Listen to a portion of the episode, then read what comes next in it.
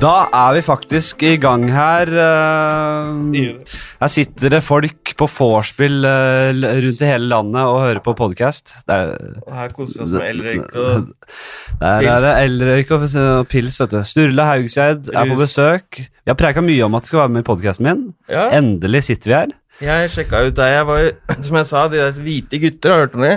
Ja, jeg har hørt om det. Jeg har absolutt hørt Jeg var læreren deres, vet du, på Westerdals. Ja. Og jeg som pitcha hele showet. Nei da. Jeg- Vi hadde lagde faktisk en sånn Uh, Vi lagde en annen variant sammen med de, som jeg var med å, å hjelpe dem med. Som var sånn sportsredaksjon i VG. Du, det var jeg spilte den ja, piloten. ja, den var jævlig funny. Det var jævlig funny, Jeg spilte Så jeg den håpet og da lovte de meg, hvis de fikk uh, Så det håper jeg de hører på. Hvis de fikk TV-kontrakt, så lovte de at jeg skulle få sånn cameo.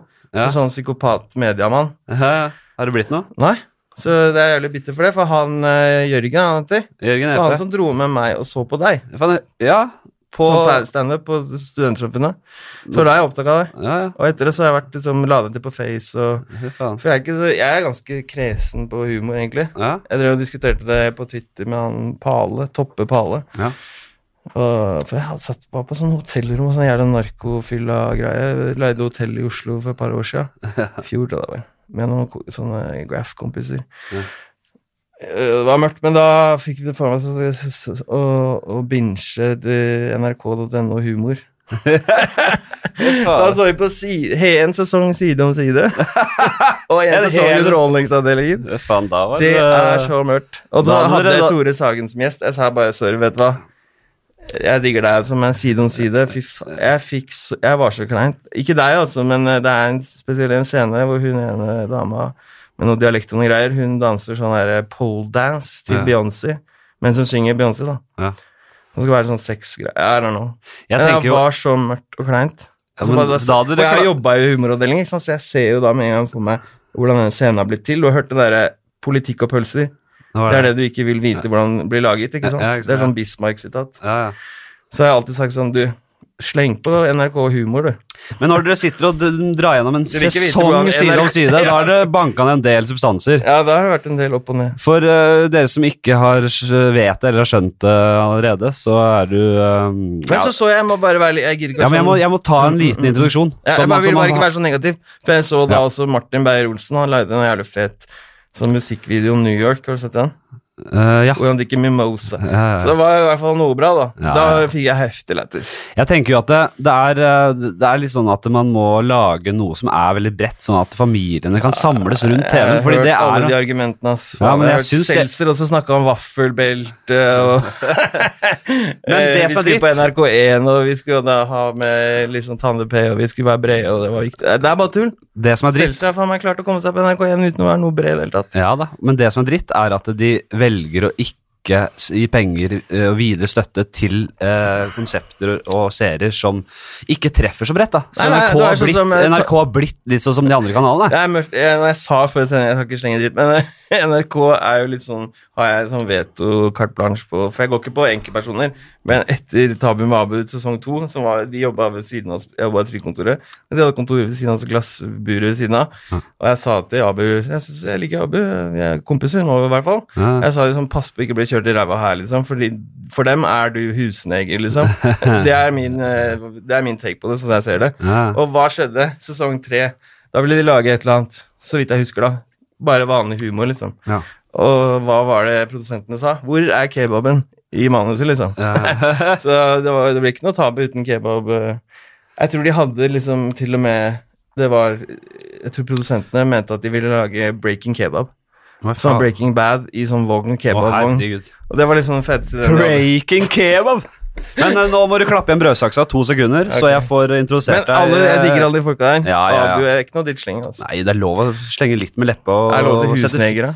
Det står du helt inne for selv, så det kan du si. jeg mener jo Jeg mener at jeg alt er lov å si her. Uh, ja, jeg tror folk det skinner igjennom at du ikke Jeg vet ikke. Jeg Nei, ikke. men Anine Kjærulf jeg tror ikke folk som hører på den podkasten her, blir så lett støtt, egentlig. Og da, som jeg har sagt Alt før, hvis dere, blir det, som, ja, hvis, eh, dere blir det, så, hvis dere blir det, så slutt å høre på. Jeg, eh, du har jobbet med TV, i, jobbet i Trygdekontorredaksjonen og forskjellige programmer. Nå driver du med Skravleklassen, som er en podkast som jeg hører hver eh, bidige episode av. Og den er jævla fin. Der er det alt mulig. Og Dere sitter og preiker og, og holder på. Hva, den siste som ble sluppet nå, var om noe kommunisme og noe greier. Som jeg har ikke Ja, hørt den. ja, det er for, Hvis du skal øh, snakke til nerds og, ja, Det er jo sovjetkommunismen som er eh, tema. Det er jo 70-årsjubileet til Kina Folkerepublikken Kina var nå 1. oktober. Ja. Altså Mao etablerte den. Så jeg driver og leser meg opp på den Mao-biografien til Yung Chang nå. Den er jo helt fantastisk. Kan komme tilbake til den. Men også Oktoberrevolusjonen feirer jo jubileum hvert år i november, tror jeg, for de har sånn russisk kalender. Ja. Så det er også rett rundt hjørnet. Eh, men mer spesifikt så er det jo Åsmund Egge fra Universitetet i Oslo som eh, Jeg kjenner sønnen Petter litt, han er jo en sånn akademikertype. Ja. Og Åsmund Egge er faktisk den eneste norske eh, ikke-russeren som er ekspert på det han er ekspert på, da, som er Kirov-drapet. Drapet på Stalin sin number one guy i Leningrad. Ok, Og det Fortell. Ja, nei, altså, han ble jo drept uh, i, på 30-tallet, var 36. Sorry, jeg husker ikke alt, liksom. Nei, men nei, eh, det er det er jo Og det spurte jeg Åsmund Egge om også, det var litt funny, for han svarte jo da ja på det. For det sto også i boka hans som jeg fikk i gave, som heter Kirov-gåten. Mm. At uh, Kirov-drapet i 36, eller hva det var, det er jo på en måte Russlands 9-11. Ja. Fordi når han ble drept, så brukte jo Mal, nei, Stalin Ja. drapet hans som en pretekst for å innføre det nærmeste vi kommer sånn Martial Law Patriot Act, som Ja. Bush gjorde i 9-11, ikke sant? Ja. Så på 30-tallet så var jo Russland gjennom Eller Sovjet, da, gjennom samme, nesten samme type greie som USA var i 2001. At de brukte en sånn handling eh, mot landet som Stalin mente. Sannsynligvis kanskje var det Stalin sjøl som drepte ham. Ja. Ikke sant? Mange som mener Bush sjøl bak 9-11 nå. Mm, Ja. De brukte drapet for å innføre da det som etter hvert ble hetende masseterroren, ikke sant? hvor de drepte jo halve offiserstaben. Ja. Eh, Trotsky ble jo ikke drept, men han ble jo deportert til Mexico City. Han drepte jo han til slutt i 1940, da. Trotsky, han som grunnla sammen med Lenin. Nei, men ja, Ja. la oss si det. Ja, Eh, number two. Han var jo den som var favoritt å ta Han var den intellektuelle, ikke sant? og den kjekke, kule, egentlig, i partiet. Stalin var jo også Ja, Stalin var så kjekk. Mye kjekke folk i Kommunistpartiet, faktisk. Det var en masse damer med kjekke folk, da. Nei, Lenin var ikke spesielt kjekk. Men uh, Trotsky og Stalin var begge kjekke machomenn. Han er ikke noe kjekk nå, i hvert fall. Ligger ikke hans uh, Ja, Han han er i hvert fall er ikke noe mindre kjekk enn han alltid har vært. Han er jo i formalin, så han ligger jo og ser helt fresh ut. Men uh, hva, hva er um, Hvem er liksom du, kan mye om Stalin. Jeg, jeg, kan ikke så mye. Folk kan ikke sånn Mao. Jeg kan mye om alt som har med kalde krigen og kommunisme å gjøre, både på vest- og østsiden av spekteret. Og så kan jeg ganske mye om Romerriket. Og så kan jeg mye om andre typer revolusjoner også. Lite om norsk historie, men etter hvert så sist så, så leste meg da på bibelhistorie. For det er to ting jeg uh, vet at du interesserer deg for, og som du er god på, Mm. og som du snakker om i podkasten din. Mm. Det er uh, historie Mm. og ruspolitikk. Snakker du- ikke så mye om ruspolitikk på podkasten, men jeg har gjort det nå de siste ukene. Ja. For det har vært mye aktualitet. Eh, og du har jo, har jo en, uh, en relativt brokete rushistorie, kan man Mm. si. Ja. Uh, og det har vært uh, Alle har det, pleier jeg å si. ja, ja, ja, men på forskjellige måter. da Ja. Det har ikke bare vært eh, pils og Nei. elsig, liksom. Nei. Si det Nå er det pils og elsig. Nå er det pils og elsig. Mm -hmm. uh, men jeg håper ikke jeg, jeg som serverte en øl nå. Håper ikke det fører til at Det går og banker nedpå cola og, og Jeg bønner er ikke noe glad i cola. Altså. Okay. Jeg har prøvd det, liksom. Men jeg er ikke noe... Vi pleide å selge det i jula på 90-tallet. Vi Mm. pleide å selge cannabis, ikke sant? Dette er det du synes er mest spennende å høre om sånne gangsterhistorier. er Ja, ja, sure. sånn Jeg sier ikke nei takk hvis du har noe å by på. Hvis du, jo, ja, det, det er jo spennende òg, men jeg sier ikke nei takk til noen gangstere. Men vi, som veldig mange andre på vestkanten, og sikkert østkanten òg på, på min tid var østkanten og vestkanten var to ulike byer. det. Det er sikkert mer sammensatt nå. Nei, det er fortsatt litt av det, men Nå har ikke dere fått T-bane, ikke sant. I gamle dager så gikk vi jo ned på eh, ned på Akerselva, ikke sant, og slo på er? Oslo Losen sier jeg bare kødder. Slo på ring, holdt det Nei, vi tok T-banen. Slo på kassa. Slo på kassa. Ja. Eh, nei, men vestkanten var for min by, liksom. Min verden. Ja. Østkanten for oss var liksom barneranere som kom med T-banen. Sorry. No offense, Nei, nei, det er sånn virkeligheten var. Eh, så jeg levde jo det som journalister elsker å kalle ABB-land. Vokste opp der. Sek, two, two, five degrees from Eller hva det heter. Er du litt på alder med Han er litt eldre, men jeg, jeg, sjansen for at jeg møtte han er vel større enn sjansen for at jeg ikke har møtt han. Ja. Og jeg kjenner jo mange som kjenner han, liksom. Mye ra En i familien min som var barnevakt for ham. Foreldrene mine er psykiatere, ikke sant, så han er en av familien som har vært masse på hytta da jeg var liten, var psykologen. på Statens senter for han og mora. Så jeg kjenner jo mange, i tillegg til alle disse taggerne fra vestkanten som gikk på Klassemann og sånn. Det hadde vært jævlig spennende å snakke litt om Breivik, men du hadde en, ja, en en info. historie som du begynte, skulle begynne Ja. på her. Du kan ikke Ja, glemme den. Eh, og det er jo at på 90-tallet så, så solgte vi mye cannabis, Mm. som veldig mange andre på min alder. Hvor gammel er du? 30. Ja, ikke sant. Så vi er jo ja, en halv generasjon over deg, da. Sånn, mm. ikke, ja, syv år eldre. Men eh, vi solgte mye cannabis, og det var jo moro, det. Sånn som han Willy Pedersen, sosiologen, har skrevet mye om de der ritualene ikke sant, og kodene og alt det der. Det er jo, han er jo treffer ballen der. Mm. ikke sant? Eh, Vi hørte på Bob Marley og så på Simpsons litt sånn vi røyka. og Ja. husker for eksempel, det snakket han på podcast også, men vi var jo opptatt av sånn skillum, sånn der eh, hvit stein som man får kjøpt i Kristiania, som er sånn røyke, sånn.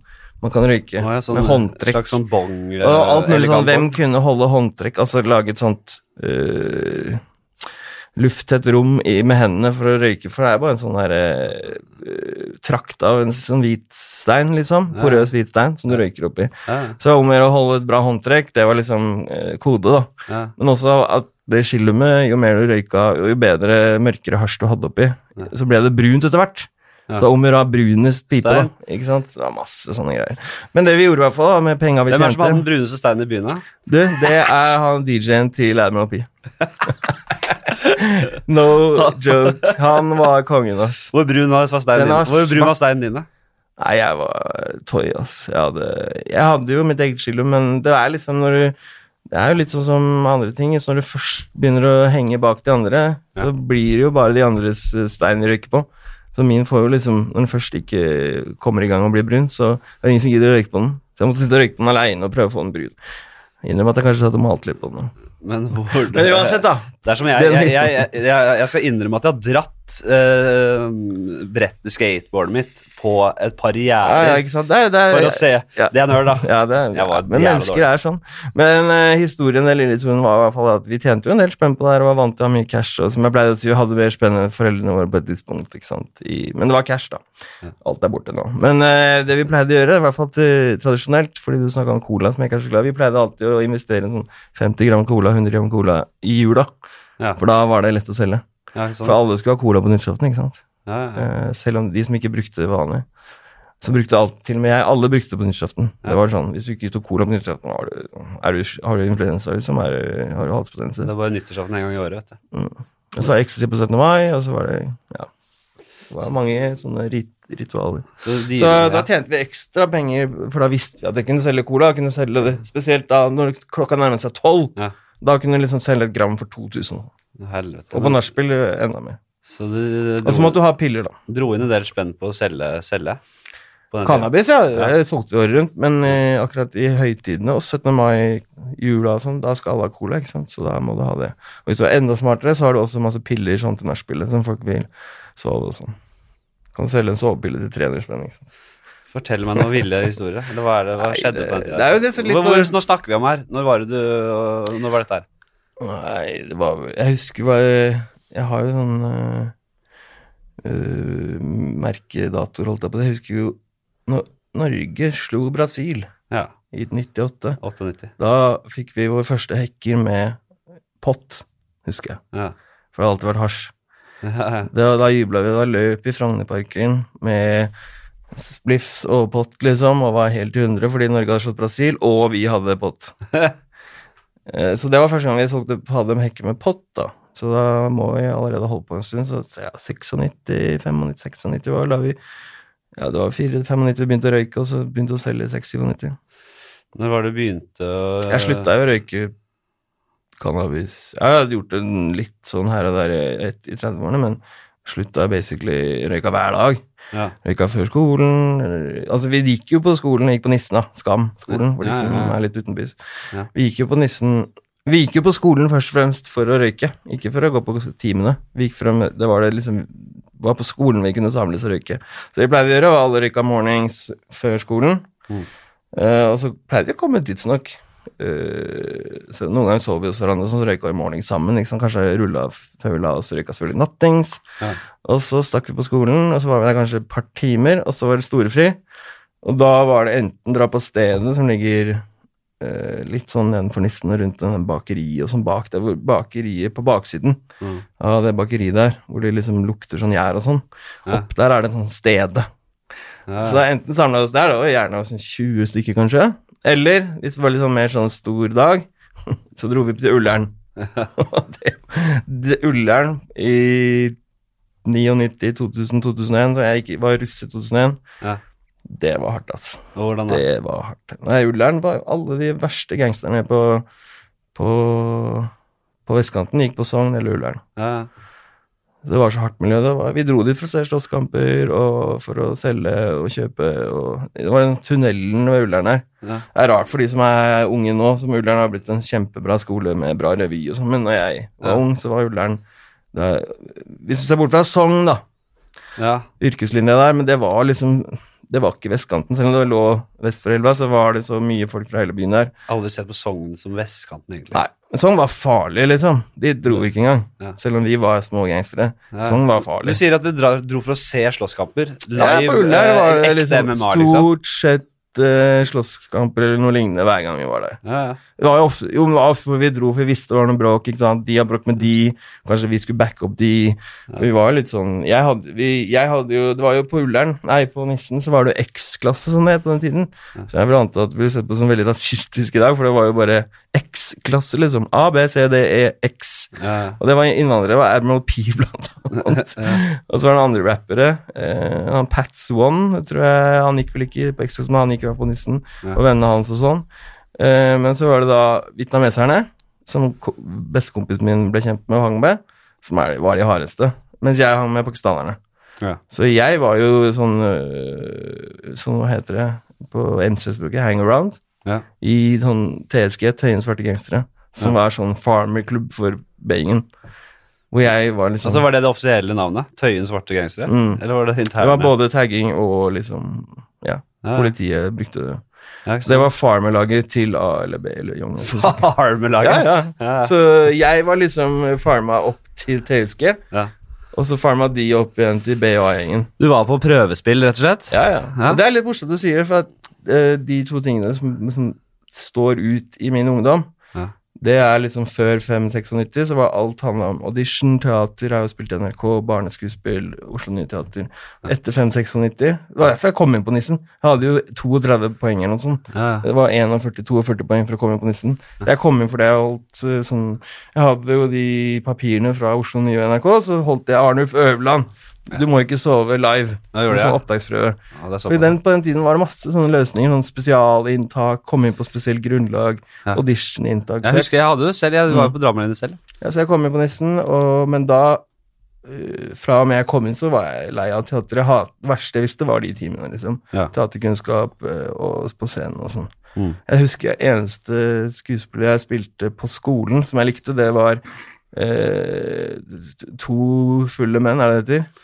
Ja, det er en sang av Ja, ja, men det er et teaterstykke. Ja, det er det, ja. Ja. Så Ja. spilte jeg sånn jokkekarakter med sixpack og sånn. Det var kult. Ja, to fulle stemmer. Det er, ellers var det Molière og ja, ja. Tartuff og Den innbilt syke og alt det Jeg har jo spilt Romeo, og det, jeg Oi. håper det ikke er filma. Men du er jo dyktig, du er jo talent. Ja, men jeg er ikke noen Romeo-type. Vi var to gutter vi var, to Tror jeg gutter. damen er, damen er ute uenig. Hæ? Det er damen der ute. Du har dame, har du ikke det? Ja, dame, ja. Ja. Nei, men jeg, jeg, jeg, jeg er såpass selvinnsikt som man må ha at jeg er ikke noe klassisk Romeo-type, jeg. Nei, nei. Så det det, det. jeg husker faen jeg nesten ikke hvor det var. Du er ikke. Beckham-type eller liksom? Nei, nei, men det Faen, tenk Og det som er så gøy, er at vi på den tida var jo bare ungefolen, eller Men vi spilte sånne voksne roller og trodde dette var så bra, og vi spilte Festen, en sånn derre Fikk melding og fikk lov å si det. Ja, Ja. da tar vi det etterpå. Uh, fikk uh, Ja, vi spilte Festen, som er sånn dansk dogmefilm. Det er jo en av mine favorittfilmer. Ja, jævlig bra Men film. han er rasisten. Ja, ja, ja. han, Han spilte det, faktisk. er han som tok selvmord i Pusher, husker du det? Samme skuespiller. Ja, det Han som skjøt seg med hagla. stemmer. Men da spilte vi det Da var vi Vi spilte disse menneskene. Det var en som spilte faren, da, som har misbrukt uh, barna sine og har et langt liv. Dette her spilles av en da 17 13-åring. Ja, ja. Det er jo Eh, edgy, Hvordan så man, ser man dette utenfra? Det må se helt idiotisk ut. Eller kjøper de det? Jeg vet ikke. Jeg syns det er kult, eh, kult initiativ. Jeg har sett opp festen. Men du har jo Du har jo vært avhengig av heroin eh, lenge. Mm. Og så har du på en måte stått fram med det og blitt uh, ganske aktiv, uh, viktig um, spiller i den rusdebatten. Sjakkspillet. Det er sjakkspillet vi kaller rusdebatten. Så Backgammon-spillet er det er det spennende. det jeg spiller. Jeg synes vi skal Vi må inn på Backgammon og B. Nei, vi skal ikke inn på det. Jeg har spilt MN og VM og NM og Japan Open og Ja, det får vi ta en annen podcast. Vi skal ikke snakke et ord om det. Det har vi ikke tid til. ja. Men eh, jeg, jeg syns jo Dette har kommet veldig fram eh, ganske, ganske fram de siste åra. Mm. Og jeg syns det er spennende fordi eh, hvis man snakker veldig mye om rusdebatt, og sånn, så, så er det noen som bruker argumentet sånn her Ja, du vil bare ruse deg, og bla, bla, bla. Mm. Men, ja, for, men det er så latterlig. det Det er mange jeg- som vil det. det, ja, jo, men det jeg syns er spennende, er at det, man har jo Veldig mange er jo nærmest hjernevaska. Eh, og, og setter på en måte heroin og psykadelisk rus som sopp og sånn i samme kategori. Eh, og har egentlig ikke peiling, men har veldig sterke meninger om hvordan det skal være. Det skal være eh, kriminelt, det skal være bøter. og så De vil ha, de vil ha de, den gamle Det er vi snart ferdig med, da. ja, de, vil ha, liksom, de vil ha det gamle systemet, selv om vi vet det ikke funker. Jeg tror de som er motstandere av det, de fleste, hvis du ser bort fra sånn Norsk Narkotikapolitiforening og sånn, så tror jeg de mener godt. Jeg tror de, vil, jeg tror de tror det er best Ja. med forbud. Jeg tror ikke de prøver å manipulere virkeligheten. Jeg tror bare det er manglende informasjon. Men før vi går inn på liksom ruspolitikken Mm. uh, For du jobbet jo i Trygdekontoret, Mm. jobbet mye med TV, Mm. men uh, så utviklet du heroinavhengighet. Ja, det er litt upresis timeline. Ja, men, men Kan Eh, ikke du fortelle litt om det, nei. for det syns jeg er spennende. Ja, nei, altså Jeg fortalte den historien til en venninne av meg, faktisk.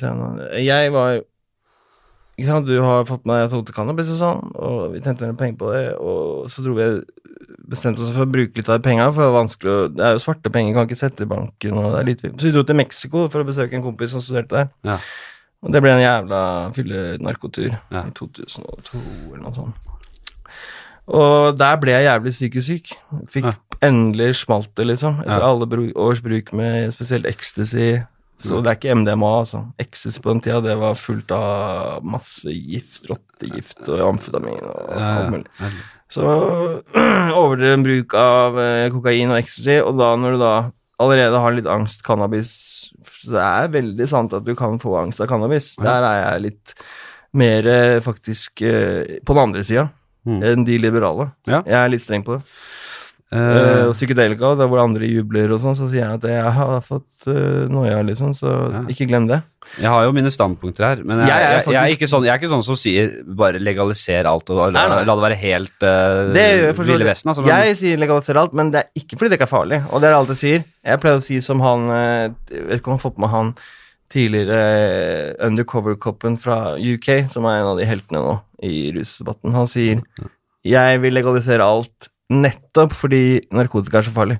Ikke sant? ja. Jeg kan gå inn på hvorfor han mener men ja, det kan vi komme til, men eh, jo, Ja. fortell om den Mm. Nei, men eh, da endelig i Mexico, spesielt på vei hjem via Washington, liksom gjennom hele 9-11, post 9-11, eh, tok jo mange, mange timer, så smalt det endelig psykisk, da. Mm. Og da også fysisk, egentlig. Jeg fikk masse tips og greier og greier. Ja. Nesten som PTSD, på grunn av overdreven bruk av rusmidler. Hvordan var det, føltes det? Hva, hva, hva, hvordan ga det? Nei, det var helt jævlig. Det var, eh, det var sånne elektriske støtaktig gjennom kroppen og dirringer i hjernen og fikk ikke sove og angst. Og da ble jeg et pillevrak Ja. og et vrak. Jeg, må, jeg gikk på Vestras, på filmlinja, liksom, Ja. med Pale og gjengen. En av de første kullene på den filmlinja som vel aldri har blitt ordentlig bra, men det var i hvert fall ikke det da. Okay. ja. Så jeg måtte slutte på den. Ja. Jeg hadde jo drømmer, jeg hadde lagd kortfilmer og dokumentarer, blant annet om ungdomsgjenger på Akerselva og sånn. Så jeg ville bli sånn jeg ville bli sånn Erling Borgen, Margaret Olin-type. Det var drømmen min. ja, ja. Men jeg måtte slutte av angst. Ja. Men før jeg slutta, så var det en i klassen min en Apropos liksom har- harde strøk og ungdomsgjenger. En kompis som jeg ble kjent med fra Bekkelaget. ja, ja. Det er der jeg er fra, vet du. Ikke sant? Der er det. det er ikke bare nazier her, for å si det sånn. Nei, nei, jeg, Og Odda er ikke den hardeste fra Bekkelaget Nordstrand eh, nei. Nå er dere eldre enn meg, da. Men, Han eh, sang vel i kristen kor og sånn. Jeg snakker om Gutta Boys. ja, Altså Jonny Trebein og gjengen. ja, ja. Så en av de gutta, uten å nevne navn, han sa jo til meg at du som er så glad i å røyke cannabis og sånn, jeg kan ikke putte dine, dette her i jointen din isteden. Ja, Det er mye bedre. ja. Og det var heroin. Det var heroin, ja. Så det begynte jo med i 2002, jeg. Men da må jeg spørre deg røyka joint på Westerdals i, i Storefri der. Med heroin, fordi da tenker jeg Og det, Du har det, hørt så si mye, det, ja. jeg skal bare si det, for folk sier at heroin er som å få en varm klem av mamma. Det var jo når jeg var så langt nede, jeg var i ferd med å slutte på Vesterålen, jeg hadde alle mulige symptomer, gikk på piller og sånn, og heroin liksom var helt perfekt for meg da. ja. Kan du fortelle litt om hva slags rusmiddel det er? Hvordan, hvordan, fordi det er, man har, Alle har hørt om heroin, Mm. og man tenker jo det er jo det, er det som Det, det virker som det beste dopet, Mm. eh, i og med at det, så mange havner på kjøret på det. Hvor, Nei, jeg hva, jeg hva, hva, på- det, hva, slags, hva gir det deg? Hva, hva, hvordan Jeg var på det nivået, selv om jeg er en intelligent fyr, egentlig sånn, så var jeg på det nivået med de vennene mine som også prøvde, og det var ikke bare meg. Og så, så lenge vi ikke bruker sprøyte, så er det greit. Ja. Og det har jeg for så vidt aldri brukt heller, siden. Aldri prøvd. Nei. Eh, For det har liksom vært min terskel, da. Ja, ja. Eh, Altså, jeg var redd for BCG, liksom. Det er ikke noe verre enn det. Så jeg liker ikke sprøyter og tenker at Flaks for deg, kanskje? Ja, folk tenker på de verste sykdommene og sånn, smitte, men eh, det som er verst med sprøyter og sånn, for det er jo at de setter sprøyta inn i musklene, ikke sant, på, med skittent vann, for det må vann, ikke sant, det er masse av sånne ting, ikke sant. Du ser jo de som ser jævlig dratt ut, det er jo fordi de har sånn muskelinfeksjoner og sånn, som tar hele, det er jo ikke, de fleste har jo ikke AIDS, liksom. Nei, ikke sant? Eh, En del har hepatitt, da. Men eh, det er jo stort sett som liksom av satt uh, av at politiet jager dem, da. Men ja, la oss ikke henge oss opp i digg å sette sprøyter, ass. Det må jeg bare Jeg, si. jeg, for meg, og det er litt sånn, der blir jeg litt sånn vanskelig, er det folk som spør meg, så sier jeg jeg vet like lite om heroinsprøyter som det du gjør. Ja. Sånn, det gjør jeg jo ikke. Men å røyke det, da? Hva gir det deg? Nei, altså, det er jo litt som de sier å få en varm klem, liksom. Det er vel det samme rusen å røyke og ta sprøyter, og for så vidt sniffe også, som jeg har gjort, og ja, kan jo drikke det, eller liksom få- oralt, men eh, Og veldig mange vet jo ikke det, men de har jo tatt heroin på sykehus. Altså Altså fenatonyl og diamorfin som de har fått hvis de har brukket eh, beinet, komplisert beinbrudd eller ryggen eller noe sånt. Ja. Det er ikke så mange som har gjort det, men det er ganske mange. Og før brukte de masse heroin og kokain Og du har jo sikkert hørt folk, venner av deg som har vært på sykehus og var så digg og med den eh, smertestillende og sånn. ja, Åh, det var digg. jeg har fått morfin. Ja, liksom. det er heroin. Det er det, da vet du hvordan det føles. Det er sånn det føles. Ja. Alt, det er sånn. Det er som morfin. Ja, ja. Jeg går på morfin nå. Men Det er jo det jeg går på som substitusjon. Subutex. Er Subutex. litt annerledes. Det er jo helt jævlig, syns jeg. Ja. Altså, det er jo det jeg, Hvis vi ikke skal gå inn i Vi kan, ja, vi kan komme tilbake til det Mm. eventuelt. Men uh, ja, det er Du, du, du det gir en varme ja. Og det som er forskjellen kanskje med heroin og diamorfin og fenatanyl, som er liksom de stoffene som ligner på heroin, kontra f.eks. morfin og sånt, det er jo en viss grad av det man kaller eufori på toppen. Ja. Altså, men det virker jo forskjellig på forskjellige folk. Akkurat sånn MDMA, jeg blir jo På MDMA så blir jo jeg eh, slapp og eh, vil ligge liksom i hjørnet mens musikken går. Ikke sant? Jeg blir ikke sånn dansete, jeg blir ikke kåt. Ikke sant? Så folk virker forskjellig. På meg virker MDMA, som da er virkestoffet i ecstasy, eh, MDMA, ja. som skiller ut Da gjør at hjernen skiller ut serotonin, gledes, Ja, det vet du like mye som meg om. Men, eh, bare til folk som ikke ja. vet Men sånn som, ja, og heroin og kokain, så blir, får jeg litt mer sånn blir sånn edgy, nesten sånn angstfylt. Det er derfor jeg ikke liker det. Eh, og heroin, så får jeg energi. Ja. Jeg blir sosial, jeg blir pratsom, jeg blir funny. ja. Så det, det, det, det, det, det og avliver, du- der liksom. avliver du vel en myte så mange altså det, det at heroin, I hvert fall for min del. ma- Mange tenker jo at heroin gjør deg bare helt, eh, helt ubrukelig og helt mengde. slapp og ja, selvfølgelig. Men det kan Det, det ga deg energi, Det gir meg energi. og det, ga, det, det gjorde at du, at du takla livet. Det er den beste medisinen jeg for meg. Og det, men da kan jeg holde det enda en myte, for folk spør jo hva med de andre i miljøet. Sånn, det er ikke noe rusmiljø for min del. Ok, jeg fikk det av han fyren som var kompis, liksom, men Mm. jeg hadde vært noe rusmiljø. Nei.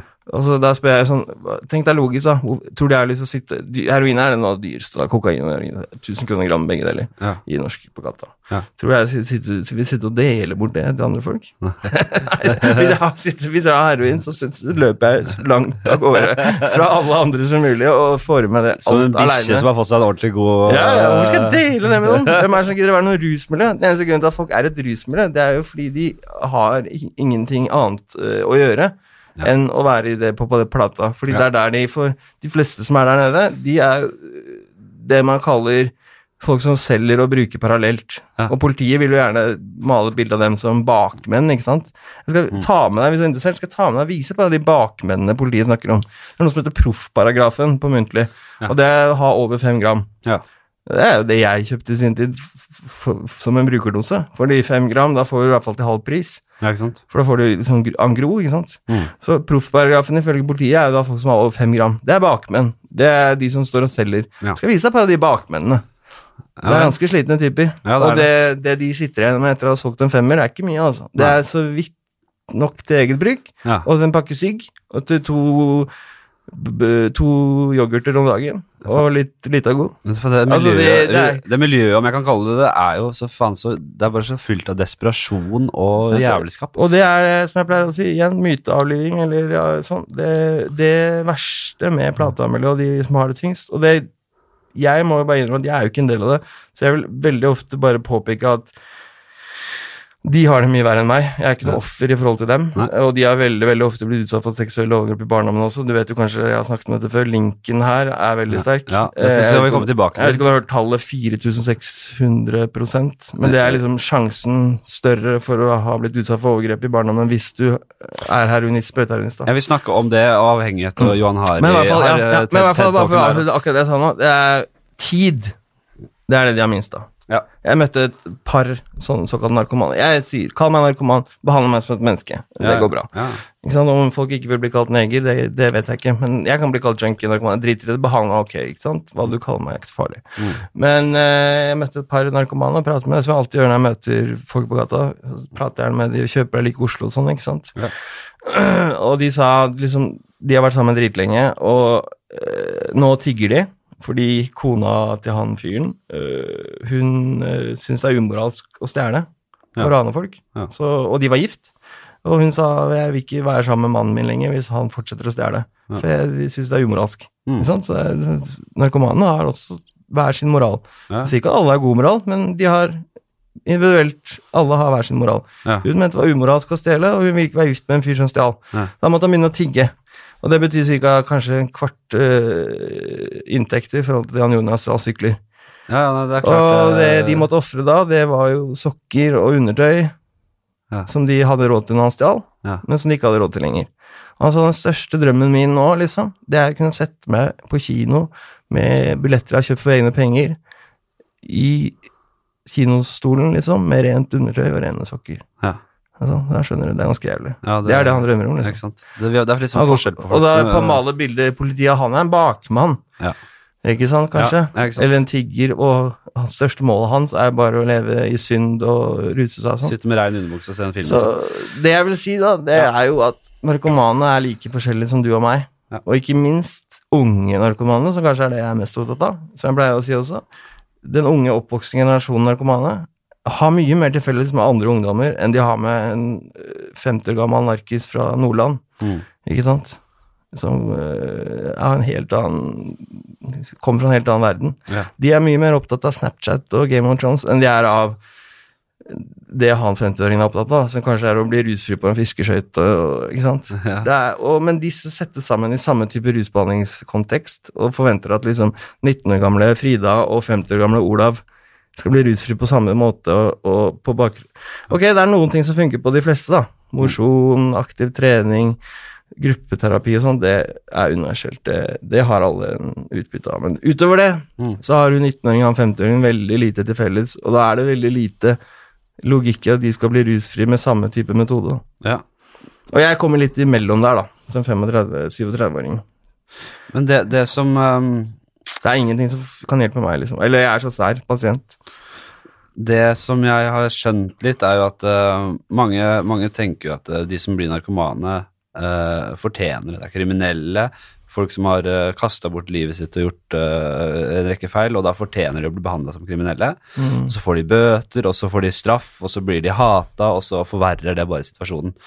Og de fleste trenger egentlig bare kjæ masse kjærlighet, og mer kjærlighet enn folk som ikke er rusavhengige.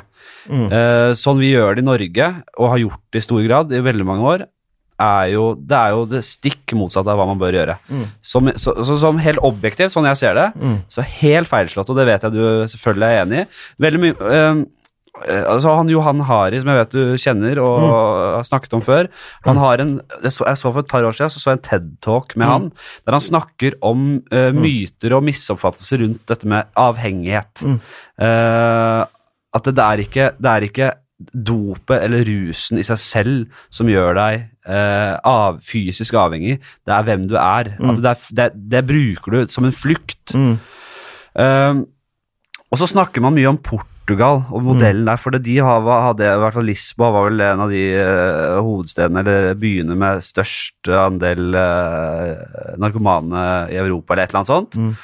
Og så fant de ut at de måtte bare opprette et eller annet, en eller annen komité, en eller annen gjeng som skulle prøve å fikse dette her og legge om hele driten. Eh, Du er ganske presis. ja, og, og, og hva er det de gjør der borte? Hvordan har de gjort det der? Nei, ok, la oss ta Portugal litt fra starten, og så kommer vi tilbake til Johan Hari. Eh, Bare kjapt si om Johan Hari, han setter jo ting på spissen. Ja. Men som jeg pleier å si, jeg har fått kritikk av sånne venner som er psykologer og sånn, som har sett på studier som viser at Johan Hari ikke har helt rett i alt, og sånn, så sier jeg, men ja, hallo, hvis han har 70, sånn som, apropos, Mao sa jo det om Stalin. Stalin hadde 70% rett og 30% feil. Det er noen typisk Mao. Det er litt sånn som jeg sier om Johan Hari, da. Hvis han har 70% rett, så vil jeg uansett backe han. Det er ganske bra prosentandel. Ja. Så tar han litt feil på noen ting, men han, det viktigste er jo at han som jeg sa i intervjuet, ble intervjua om Johan Hari i går, for en, mm, Lost Connections, den boka hans om lykkepiller og sånn, den har blitt oversatt til norsk nå, frakoblet, og i går var det Mental Helses Ja. internasjonale, Thomas Helse vant prisen, gratulerer med det. Ja. Eh, så da sa jeg jo det, Ja. at eh, han er jo en journalist og en uh, misjonær på mange måter. Han setter ting på spissen, og, men det som er utrolig med han, er jo at han en, han har tatt han har ikke, Det er ikke hans tanker han formidler, han har intervjuer folk. Så han tar jo aller det mest spennende av forskning, i den første boka om rus og den andre boka om depresjon og angst, Uh, og klarer å formidle det stoffet på en jævlig bra måte, som folk faktisk leser. Og da snakker jeg ikke bare om fagfolk, men det som er utrolig med han, er at han skriver på en måte som gjør at brukere, pårørende, leser og blir engasjert. Ja. Og får et nytt håp. Og det har jeg hørt så utrolig mange ganger av folk, pårørende eller andre liksom opp, brukere som er oppegående nok til å lese en bok, da. Eller lydbok, eller som sier TED Talk, og fått med seg Harry sitt. For det er veldig mange mange som ikke har lest Harry, men som har bare sett TED Talken eller noe sånt. Ja. Altså både Til og med der på Tyrli hvor jeg bodde, så viste de Harry TED Talken, liksom, i sånn type aktivitetstime. Ja. Så det er veldig mange som bare får det budskapet liksom med seg, og som endelig sier yes. Endelig en fyr som liksom har kred, som sier det jeg alltid har følt, men som har følt alle sier at du tar feil, liksom, men nå er det endelig en som setter fingeren på det og sier sånn. Det er også en måte å se det på. Å, yes, liksom.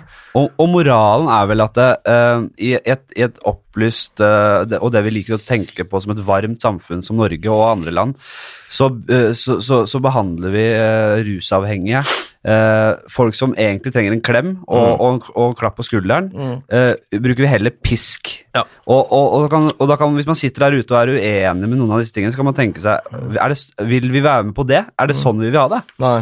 Og han bruker den derre Ja, det er ganske kjent, nesten litt sånn utslitt greie, det med den Rat Park. Det er eh, ikke utslitt, vet du. Rat det er, Park, eh, man tenker alle har hørt om det fordi man selv har hørt det fem ganger, liksom, men det er masse folk som ikke har fått det med seg. Rat Park er jo spennende. Det, det, det, det, er veldig, det er et veldig godt bilde på hvordan ting er. Da, selv om er jo, da bruker man jo rotter, men rotter er jo ganske på mange måter like mennesker. Eh, Vi kommer fra Vi var jo noen gamle rotter en gang i Ja, tida. det har jo liksom. blitt så bredt at i Narcos-introen så er det vel en sånn liten Rat Park-greie. Kan du Du har vel uh, Jeg kan kort fortelle. Kan- kan- Jeg, jeg er litt lei av å forklare Rat Park. Ja, det skjønner jeg. Det skjønner Men jeg. det er jo Bruce Alexander, en av mine helter. Ja. Som er, det er jo, I boka så er det jo Bruce Alexander fra, fra Stanford University i Canada.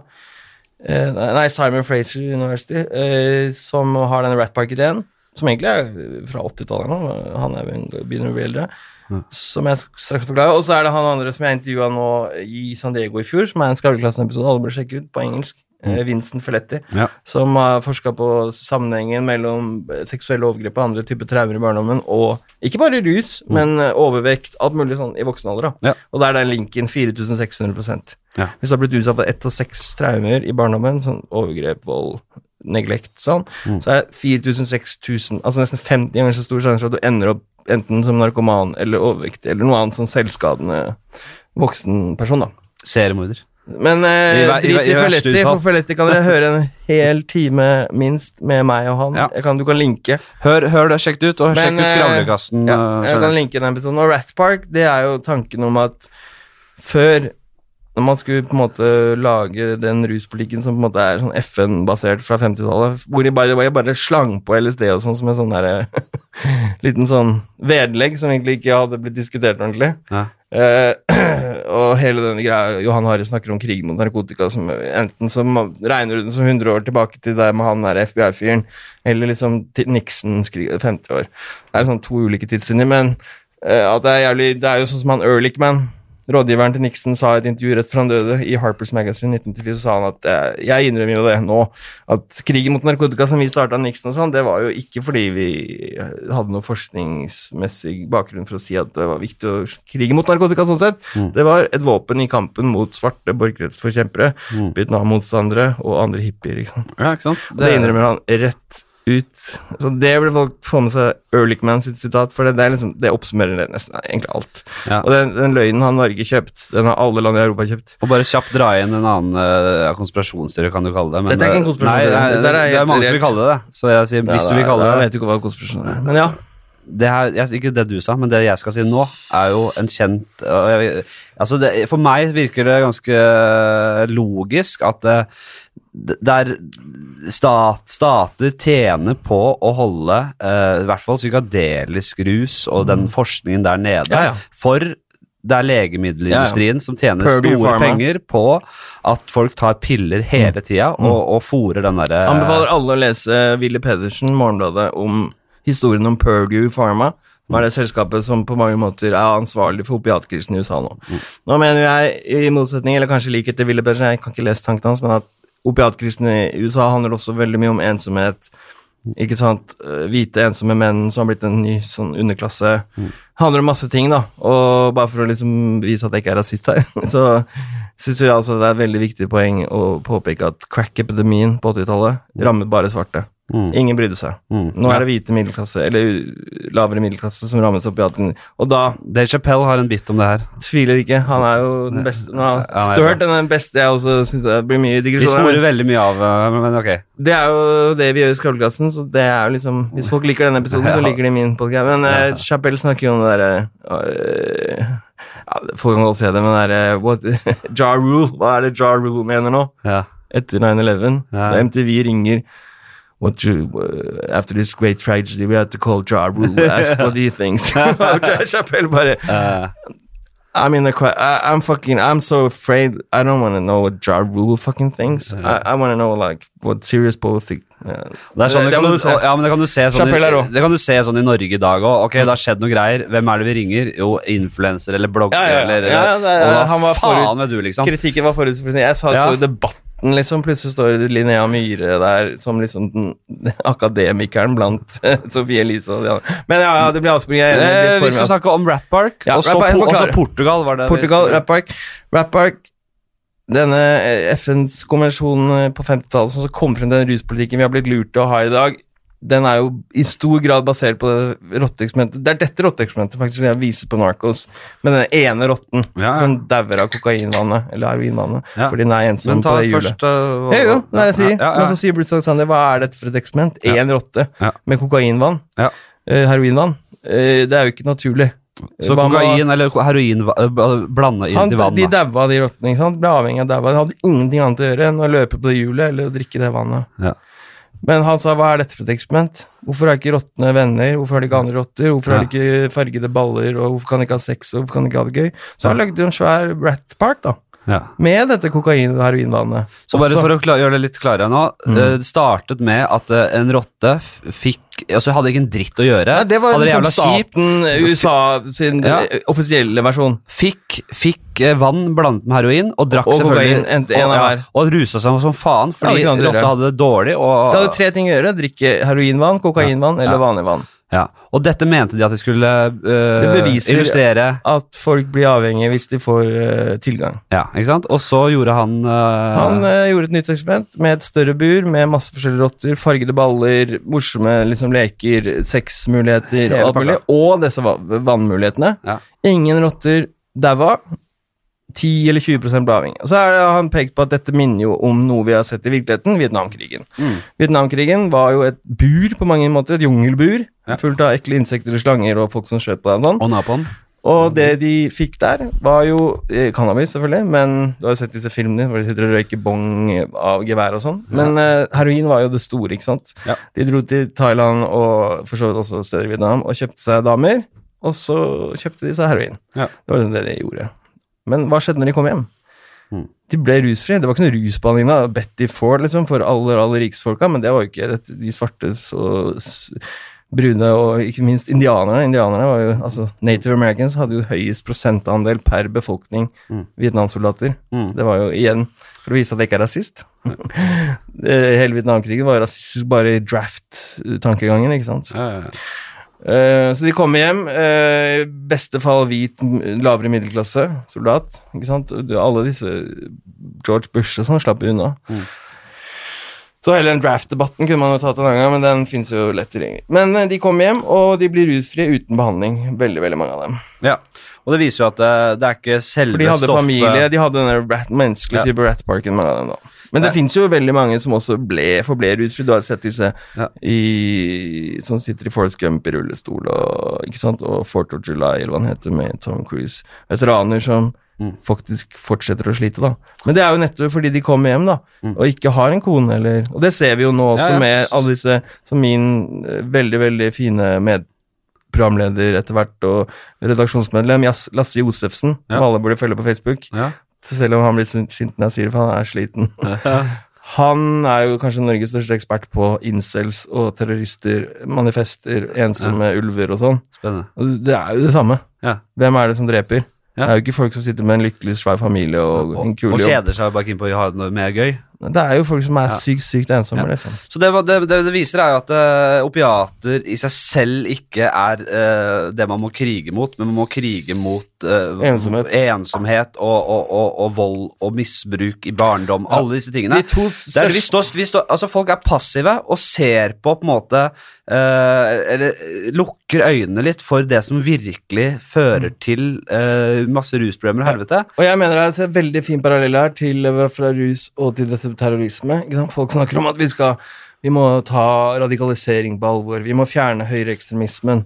Sant? Men det er, det er jo et godt mål å fjerne høyreekstremisme, men det blir litt som å skru av internett. Du skal liksom fjerne alle Wikipedia-artikler om eh, stalinisme og, og Hitlers tankegang. Det går ikke an. Nei. Det vil alltid finnes kjipe ideologier der ute som folk kan lese opp på. Ja. Det går ikke an å skru av internett. Det samme er med, med dop. Du får ikke stengt grensene. Nei.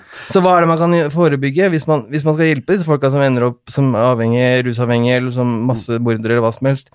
Det er forebyggende arbeid i barndommen og mot ensomheten.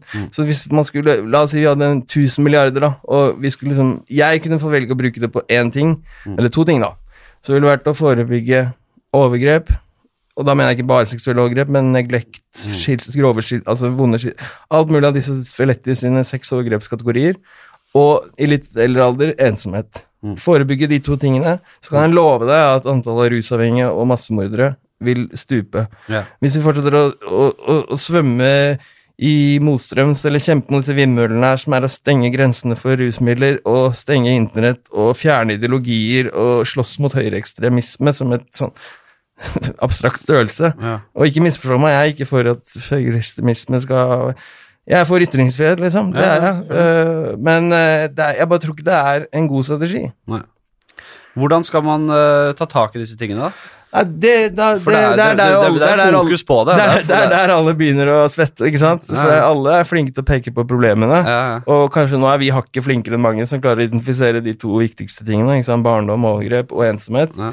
Så vi er hakket flinkere enn de som er, surrer seg bort i sånn stoppe ytringer og slemme ytringer og stoppe grensene for narko. Ikke? De er helt ute å kjøre sånn, men vi er litt Men ok, hva skal vi gjøre, da? Ja. Men det er faktisk eh, Det blir altfor knirkete å begynne å gå på løsninger sånn inn på sånn Ja. institusjonsnivå her, men det er rett og slett liksom mer eh, fokus på å demme opp for disse tingene. Altså For eksempel så ser du det der hatet mot barnevernet som er i Norge. Jeg vet ikke om du har fått med deg sånn tsjekkisk regjeringen skal omtrent gå til krig mot Norge og barnevernet og sånn. Og det er selvfølgelig masse dritt i barnevernet, men det er litt sånn som med Nav også, og LAR og sånn. I hvert fall Nav, da. Dritt i LAR, det er ikke alle som vet hva det er. Men Nav. Ja. Det er lett å kritisere det, men vi har i hvert fall et, la, et Nav å kritisere? Ja. Hvilket land er det som har Nav? Ja, Hvilket land er det som har barnevern i det hele tatt? Det er omtrent bare Norge. Mm. Så vi må styrke barnevernet, rydde opp selvfølgelig alle de skandalene og sånn, hvis det er mulig, men styrke barnevernet, eller i hvert fall det som tilsvarer barnevernet. Mm. Identifisere disse barna som sliter, sånn som min fetter, fosterforeldrene var narkomane Nei, jeg mener fosterforeldrene er mine onkel og tanter. Ja, ja. Han er død da, dessverre, men de ekte foreldrene var narkomane. Han ble født med abstinenser. Sånne ting. Ja. På den tiden, han ble født 80-79, eller hva det var, Ja. Da var det ingen som hadde peiling. Nå vet vi i hvert fall. Ja. Ikke sant? Så sette inn mer støtet der. Ja. Eh, og det gjør vi. Ja, og, men og, og, det, med og, og det tror jeg alle vil, og det tror jeg det jobbes for. Men, Men, Men akkurat med det med ensomhet og litt voksen alder og sånn Når vi begynner å snakke om hvite, ensomme menn ikke sant? Altså, Eller tenk å si hvite engang, se på Kina, mennene der. I Kina så er det vel eh, noe sånn som 80% av alle menn Jeg vet ikke om det er Tinder de bruker, men åt- åtte av ti menn får ikke engang et svar på en sånn Tinder-type ting. Nei. For det er så misforhold mellom menn og kvinner. Ja. Og kvinnene tar jo flere kull, sant? de gifter seg mange ganger. Nei, mennene, mener jeg, de lykke, vellykkede mennene gifter seg tre ganger. Så ensomheten blant menn, og da kanskje spesielt hvite og asiatiske menn Ja. eh, liksom Afroamerikanske også Men de har andre problemer. Det er liksom far, fraværende fedre og sånn, som er kanskje mer sånn Mm. Midtøsten og afro-americans og sånn. Men hvite og asiatere der er det veldig mye ensomhet. At folka som Carpe Diem Apropos kommer tilbake til Chirag. eh, Rapperom og sånn. pusher 50, tastaturkrikeren i kjelleren og sånn. Mm. Ja, vi må liksom gi dem en rapp på fingeren, i hvert fall de hvite mennene med makt som pusher 50. Men det er jævlig mange andre som sliter med rus, alkoholisme, ensomhet. Mm. Og det er et eller annet tabu med å snakke om eh, hvite menn. Mm. Eh, Ja, derfor er det det? trekker jeg inn de gule også. Ikke hos meg. Ikke hos deg, nei. nei. du er ikke PK nummer én. Nei, Det er et eller annet tabu om å si du, Prøv å si det til Trædal, da. Ja. Eller en av de der. ja. At vi må, vi, må, vi må synes synd på de hvite, ensomme mennene på Nav som sitter på nettet og, og slenger rasistisk drit, liksom. Ja. Vi må passe på dem, så gi dem en klem. ja. Hva tror du Tradal svarer da? Nei, ja, Tradal er jo relativt rasjonell og, Jo, jo, og nyansert. Så han må skjønne, han må skjønne at det Jo, jo, han, han sier nok hvis han, hvis han er helt ærlig, så sier han jo, jo, selvfølgelig, men det er feil fokus. Ja, feil fokus. Det er mye viktigere å passe på de andre. ja ok. Men det er, går an å ha to tanker i hodet på en gang. Altså, det er jeg- altså, Selvfølgelig jeg skal vi jobbe mot rasisme og sånn, men disse, disse, disse andre generasjons innvandrere som skriver kronikker og sånn, Mm. eh, og som får tyn på nettet og sånn, ja, det er helt jævlig, liksom, men først og fremst, hvis du skriver kronikker, Ja. så har du det ganske bra. Alle må al, altså, Altså sånn basically, Ja. altså, alle kan ha sine skjeletter i skapet og ha det kjipt, men hvis du sitter og har en kommentatorjobb i Klassekampen eller Morgenbladet, da, da er du ikke den som, du er ikke den som er mest synd på samfunnet, uansett hvilken hud- hudfarge du har. Neida. Men altså, dialog er selvfølgelig kjempeviktig, og det er sånn Det å blokkere ut deler av samfunnsdebattantene Ja, ja, men folk- og er- meningsbærerne, det er for Men meg jeg helt spurte på. Twitter nå, Ja. hvor mange blokkerer du, og hvorfor? Altså, det var en dame som hadde blokkert 5000 mennesker. Og det er fordi de er uenige med henne politisk. Men nå øh, Det som er øh, Skal jeg virkelig snakke om Portugals historie? Det, hør nå, vent, da. vent litt. Det jeg skal si, er øh, Vi skjønner at Mange skjønner at vi må på en måte ta fokus på øh, ensomhet og misbruk i barndommen. Og det tror jeg alle er enige er, uansett, hvor du, uansett hvor du står i, i rus... Uh, Men jeg er ikke enig nok. debatten, så er vi enige om det. Mange er enige om det. Men det som er uh, Det som folk ikke er helt enige om, er jo at de som har blitt narkomane og utviklet et, hardt rusproblem, de får, øh, som det har vært da, nå, er det jo, nå er det endringer her, som du sier, men har fått bøter og helvete og blitt jaget rundt øh, der man trenger kjærlighet. Og det er det man må forstå. For å få endringer så er vi nødt til å se på det som en Ja, ja. sykdom. Ja, Og det, der er det mange som er uenige. Ja, men jeg, Men, da, jeg, jeg, men når, med en gang man begynner å snakke om legalisering og avkriminalisering, og sånn, så begynner man å blande litt her. Folk begynner å blande Nei, litt og tenke litt- at man støtter det og vil ha masse fri Mm. narko inn i Men her vil jeg arrestere deg litt, for at du er litt ute å kjøre også, fordi Ja, det er lov, det. For det første, disse folka på plata som vi må synes synd på sånn, de er ganske få. Det er ikke så mange. Ja. Vi, og vi har mange folk som jobber med det. Det er sprøyterommet opp til høye, liksom. Folk er opptatt av det. Vi får avkriminalisering. Denne gruppen er ivaretatt nå, Ja. så godt det lar seg gjøre. Så Ja. jeg er ikke helt enig i at det er der vi må sette inn støtet, liksom. For det er allerede Det er jo det jeg jobbet med to år i rusdebatten, er til å få avkriminalisering. Ja. For disse bøtene tar livet av dem, ikke sant. For det er ikke fengselsstraffen som tar livet av dem, det er bøtene som tar livet av dem. Ja.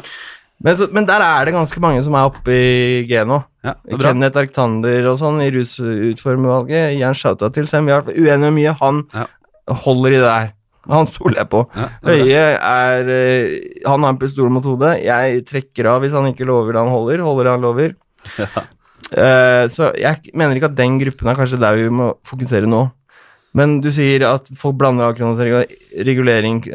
Jeg mener at folk må skjønne Og det er sikkert mange som er uenige på Vestlandet, KrF og sånn, som syns avkriminalisering er dårlig men jeg tror ikke de har noe de skulle sagt nå. Jeg tror det blir avkriminalisering. Men jeg tror det som er faktisk viktigere nå, utover det vi snakket om med ensomhet og forebygging og sånn, for er- ja, alle er enig i det, men alle er ikke enig i den grad at de vil gjøre noe med det. Jo, vi har sånn som Stordalen og sånn, og Stormberg og sånn, som ansetter blinde og folk med en arm og sånn. Det er dritbra. Vi må ha mer av sånt. Ja. Vi må ha mer sånne kreative, gærne rikinger som Stordalen, som bruker energien sin på dette her, istedenfor å lage fest med sånne indianer, eh, cowboy-indianer-tema Ja. og sånn. Vi må ha masse sånne rike, morsomme, gærne, kule folk. Og, led, og ikke bare rike, men ledere Ja, ja. og, så, Ja, men og sånn- mellomledere som, som tar inn folk som sliter litt. Ja.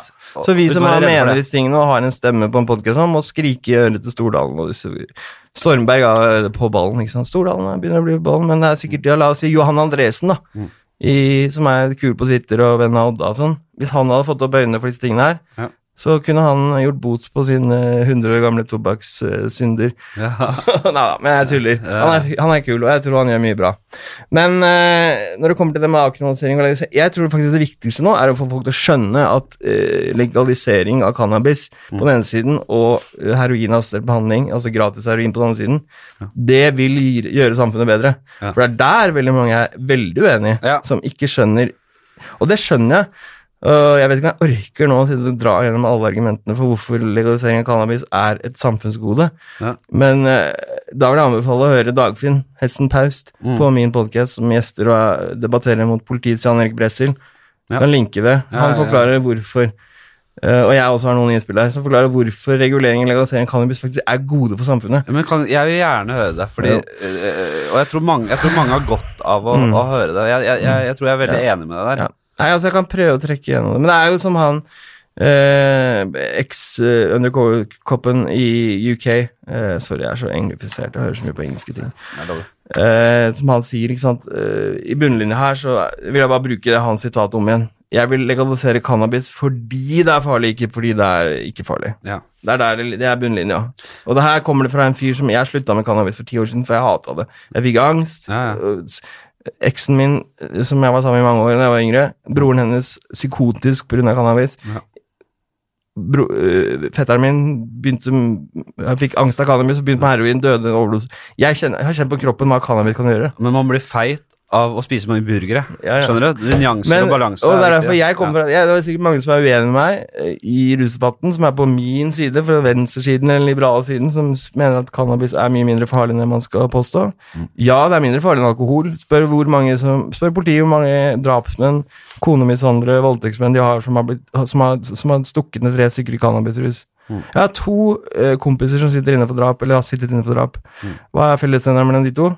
Begge var full av piller og alkohol Mm. når de knivstakk hver sin eh, person. Ja. De sitter ikke nå lenger, men ah, Eller jeg vet ikke. To bekjente, i hvert fall. Ja. Og jeg vet om mange andre også, som har blitt tatt for grov vold.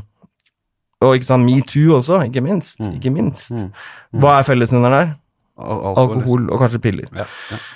Hvor mange er det som har liksom blitt tatt for metoo eller drap eller vold i cannabisrus? Hvor mange taxikøer har du sett at folk uh, slår hverandre en flaske i huet etter å ha røyka bong? Bongen til Admiral P? det er ikke mange. Nei, Men det er ikke, det, det er ikke det viktigste. Det viktigste er La, la meg ta en parallell, da. Ja. Det er en debatt om lekser er sunt. Og mange som er enig, mener at lekser burde avskaffes. I Mm. hvert fall på en del fag. Kanskje språk fortsatt Lekser har en verdi når det kommer til språk, Mm. men av mange grunner så er lekser dårlig. Det er liksom blitt skolelei, Ja, du det må kaste bort tid, bla, bla, bla. bla. Men det viktigste argumentet, mener jeg, det er det sosiale argumentet. Og bare for å vise Jeg viser at jeg ikke er rasist tidligere, bare for å vise at jeg ikke er på høyresiden. Ja. Er det som tenker? Er har, du har virket som du har behov for å markere det her. Nei, det, det er litt med glimt i øyet tull, men det er Ja. folk som lurer på hvor, hva stemmer det, er du på høyre eller venstre, og er vi, ja. Men Ja. nei, folk mener ikke at jeg er rasist, altså. Men jeg bare, det siste jeg får fått høre så mange bekjente av meg som har blitt kalt rasist, som, hæ, er du blitt kalt rasist? Det blir for dumt. Liksom. Ja, det ja, ja, Rasister er de, de, ja, det er sånn de som folk er det, de vet det, de vet hvem de er. Ja. Og de, de har det sikkert vondt, de òg, på sin måte. Men i hvert fall ja. Lekseparallell. Lekseparallell. Det beste argumentet mot lekser er det sosiale. At de foreldrene som ikke er tilstedeværende, Mm. og som ikke har ressurser, de kan ikke hjelpe barna sine med lekser i stor grad. Ja. Mens de rike foreldrene med mye ressurser og au pair og ikke sant Ja, og leie inn lekser. De, de ja. har varm arm rundt skulderen til barna hjelper med lekser. Ja. Hva skjer da? Lekser fører til økte sosiale forskjeller. Mm. Hei, Kristin Clemet og Torbjørn Isaksen. Få dette inn i hodet. Ja. Må ikke være kommunist for å mene dette. Nei, nei. Så det er den samme parallellen med cannabis. De barna, unge, Mm. som blir tatt for å røyke cannabis på Slemdal, i kontekst med russebussen eller noe sånt, Mm. de har foreldre som kjenner. Leger, advokater, også, ikke sånn, de ikke er det sjøl, Ja. som kan få barna ut av dette Ja. tidlig. Rydde opp i prikker på rullebladet og få dem ut, få dem inn, opp i skauen, på en eller annen måte. Ja det, Gjøre det ikke til en så ille ikke, ting. ikke ditt tilfelle. Mitt tilfelle er litt sånn between two ferns, og drit i det. Men, Ja, ja, ja. Og det er så lenge siden også. Men de barna da på østkanten, min fetter hans etterkommere på Holmlia og sånn, for dem er det å bli tatt for cannabis av politiet det er gjerne første steg på vei mot en kriminell karriere. Fordi det baller på seg. Foreldrene klarer ikke å har ikke ressurser til å rydde opp i det. Og mange snakker om en gateway drug, ikke sant? Heroin he- Hasj leder til heroin, Ja. som bare er tull. Den eneste grunnen til at hasj leder til heroin, det er jo fordi hasj er illegalt. Det er de samme kriminelle menneskene som selger begge deler.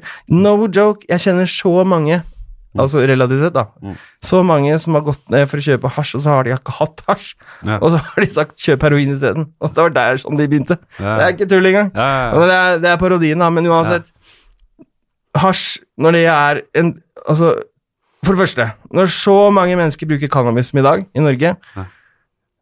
Å kriminalisere en så stor andel av befolkningen, det er ikke demokratisk. Nei, det er Som heller jeg har sagt, som jeg prøvde å si i eh, en kronikk om Jim Carrey Folk kan gå inn og søke på mitt navn, Jim Carrey Dagbladet. Les den kronikken, så sier jeg La oss si vi hadde en maskin, Ja. en magisk maskin, som i løpet av én dag eller ett sekund kunne buste da alle som røyka cannabis, eller hadde cannabis i blodet.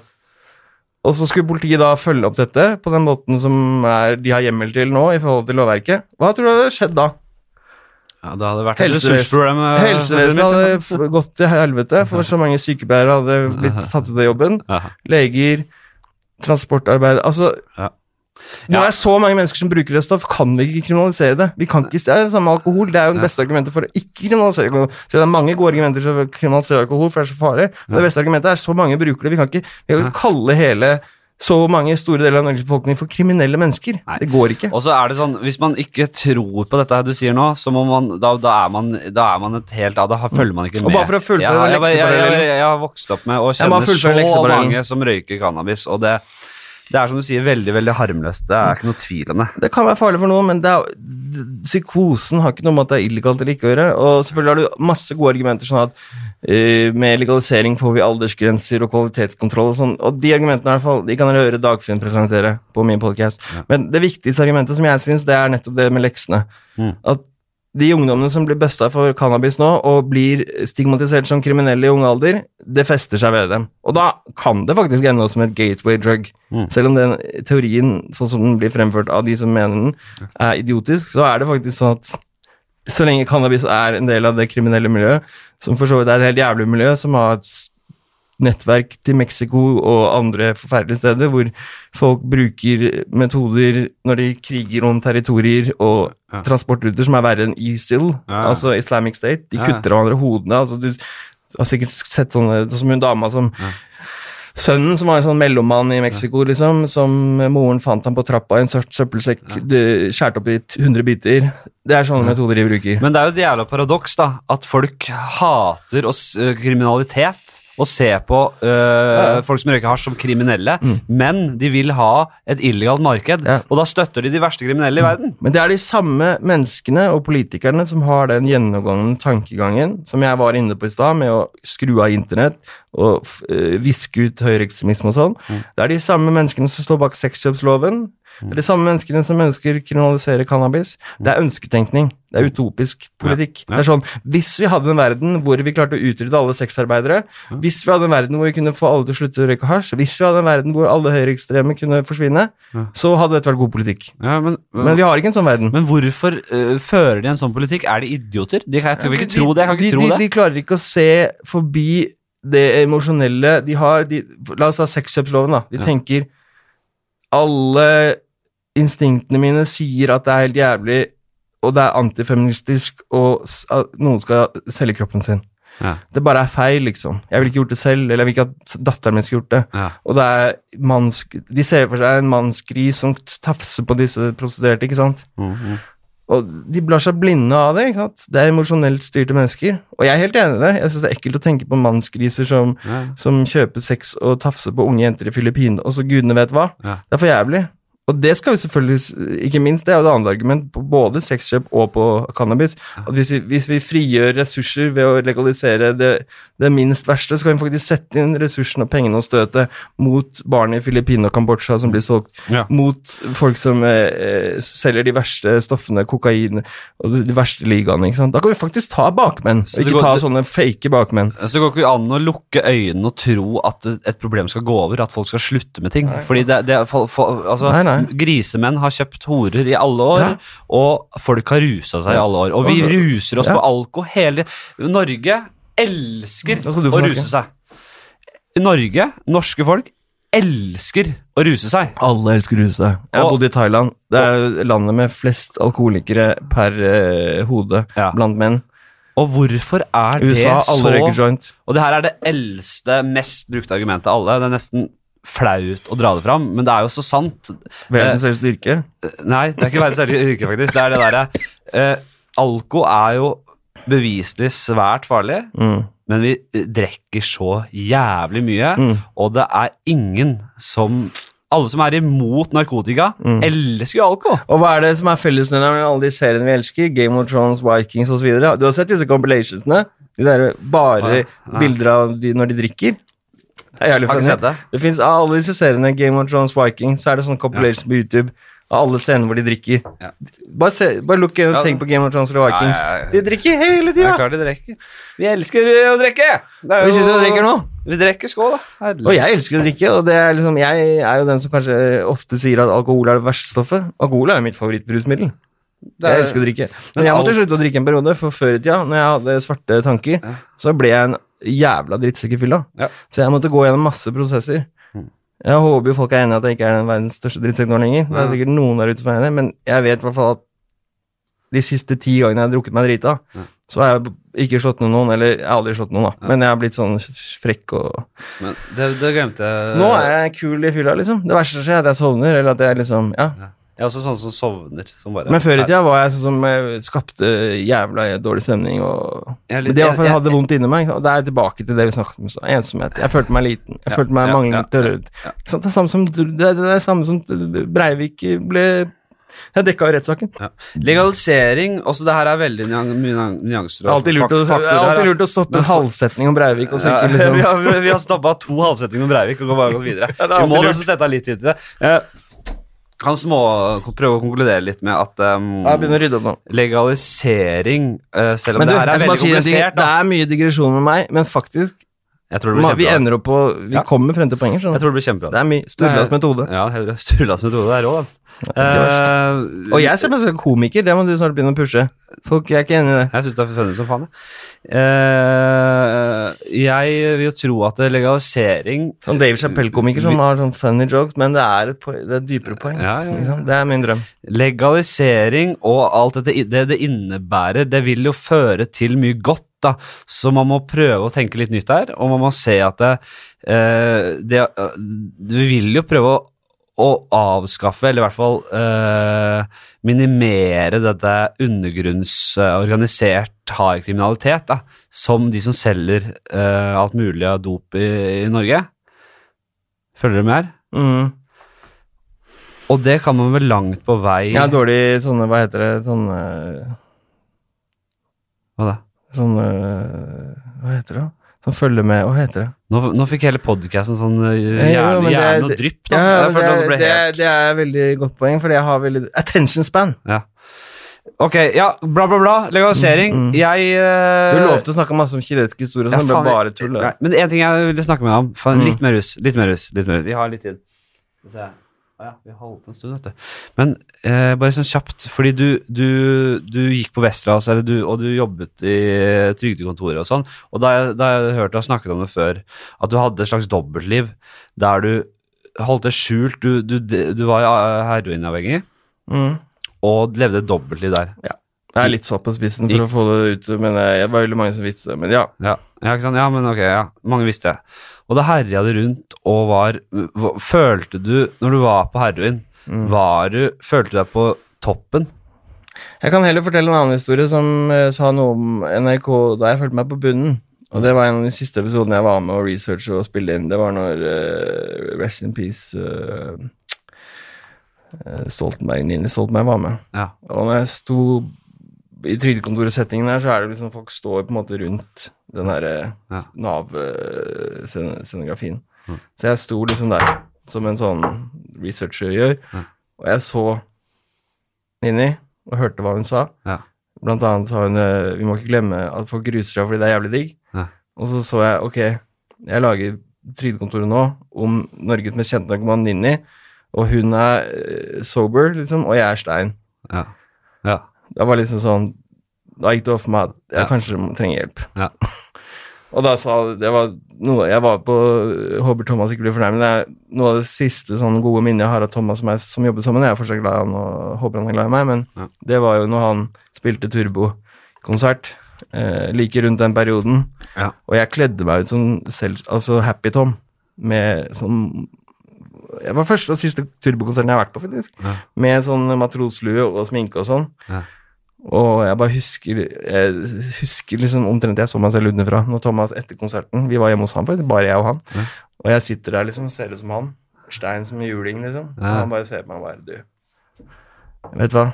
Du trenger hjelp. Ja. Liksom. Ja. Ja, og tro meg, jeg har vært der. Altså, det avslører ikke noe nå, for han har jo vært åpen om kokain Ja. og behandling. I dag, Jeg var vel i går, han var på TV og sa at psykologi ja, psykologi. Så Psykiatri. eh, han er kanskje ikke den varmeste fyren sånn, på alle plan, liksom, sånn, men Ja, ja. akkurat når det kommer til det, så har han ganske mye tyngde. Ja. Og, og jeg vet at han var Jeg er glad i meg, var glad i meg i hvert fall. da. Jeg jobba med han i fem år, jeg var med han i Landåsstrand, var nærmest hans høyre hånd i en periode. Ja. Og han så meg rett i øynene, som jeg sier dette for å være kul, liksom. Ja. Du, det, det, det beste for deg nå er ikke å jobbe masse på TV, liksom. Du trenger hjelp. Ja. Og hvis du skal ha noe vennskap med meg lenger også, så, så må du søke hjelp. Og det gjorde jeg. Ja. Så jeg, han sa jo at psykologer reddet livet hans. Satt litt på spissen. Jeg vil si at han kanskje reddet livet mitt. Og det, det vil han kanskje rynke litt på nesen når jeg sier fordi jeg ikke har kommet til mål helt ennå. Men Ja. eh, gratulerer med han som klarte det på første forsøk, men det er ikke det vanlige, altså. Jeg, han hjalp meg inn første runde, eh, og det gjorde jævlig bra for meg. Men nå må jeg inn en ny runde. Ja. Eh, for jeg går på medisiner og sånn. Ja. Eh, og jeg har etter hvert begynt å se på det som at hver rusbehandling, selv om jeg ikke syns rusbehandling i Norge er spesielt bra, av mange grunner som jeg kan komme tilbake til neste gang jeg er her, Mm. men eh, hver runde er et skritt på vei mot målet, liksom. Ja. Så selv om jeg ikke helt vet hva målet er, da. Jeg er ikke sånn som har lyst til å aldri drikke vin til maten igjen og sånn, men ja, uansett. Jeg må si eh, jeg, du, har slitt, og du sliter fortsatt, det vet jeg. Jeg har det men jævlig bra. Ja, du har det jævlig bra, Du er på damen og Ja, du er, men jeg, jeg må bare si at jeg syns du er en ressurs, og jeg syns du er en, eh, en fin fyr, og jeg, jeg liker å høre betraktningene dine, meningene dine, eh, historiene dine. Det er morsomt at du sier det, for det, var en, det er ikke så mange år siden alle hata meg. Ja, Liksom. men det, det, er lov å, det er lov å drite seg ut, det er lov å komme tilbake. Det er det. Og, man, Det er det. Man, og det er det vi var inne på. Man må gi folk tiden legger alle sår. Tiden legger Jeg, sår. jeg hadde sånn jeg, jeg har lyst til å snakke litt til. eksistensiell fylla, Jeg jeg måtte ligge to år uten å ta kontakt med noen for da folk skulle liksom glemme alt det kjipe med meg. Før jeg liksom kom tilbake. Ja. Og nå er jeg endelig Men uh, nå må jeg ta en tur ut igjen. Uh, forsvinne i ti uker. Men da kan jeg melde med stor Ja. Eh, bravur og glede at Skravleklassen vil ture og fortsette. Vi har jo ti-tolv episoder i banken med meg, Ja. men når de er ferdig innspilt, eh, spilt på lufta, Ja. så kommer da min vikar til å steppe inn i ti uker. Chirag fra Carpe Diem. Chirag uh, Bare for å be enda bevis på at jeg ikke er rasist.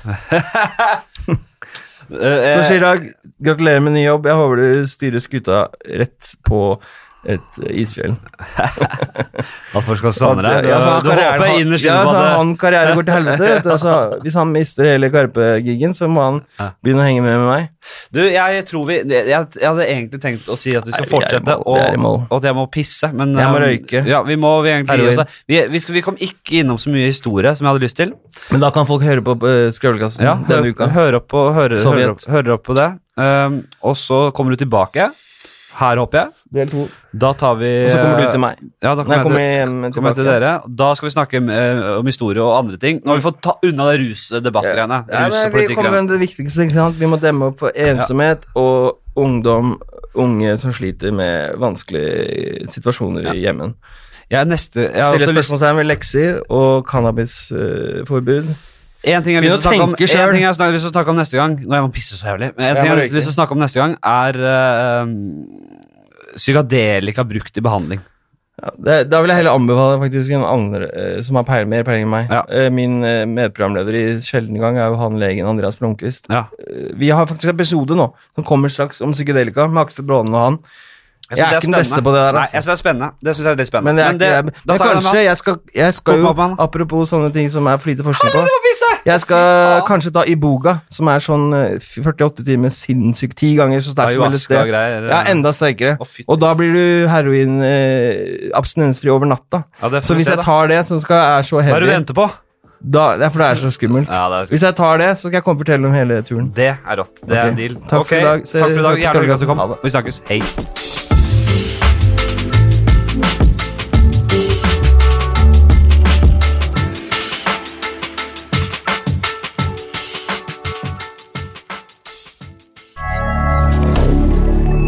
Media. Har du et enkeltpersonforetak eller en liten bedrift? Da er du sikkert lei av å høre meg snakke om hvor enkelt det er med kvitteringer og bilag i fiken, så vi eh, gir oss her, vi. Fordi vi liker enkelt. Fiken superenkelt regnskap.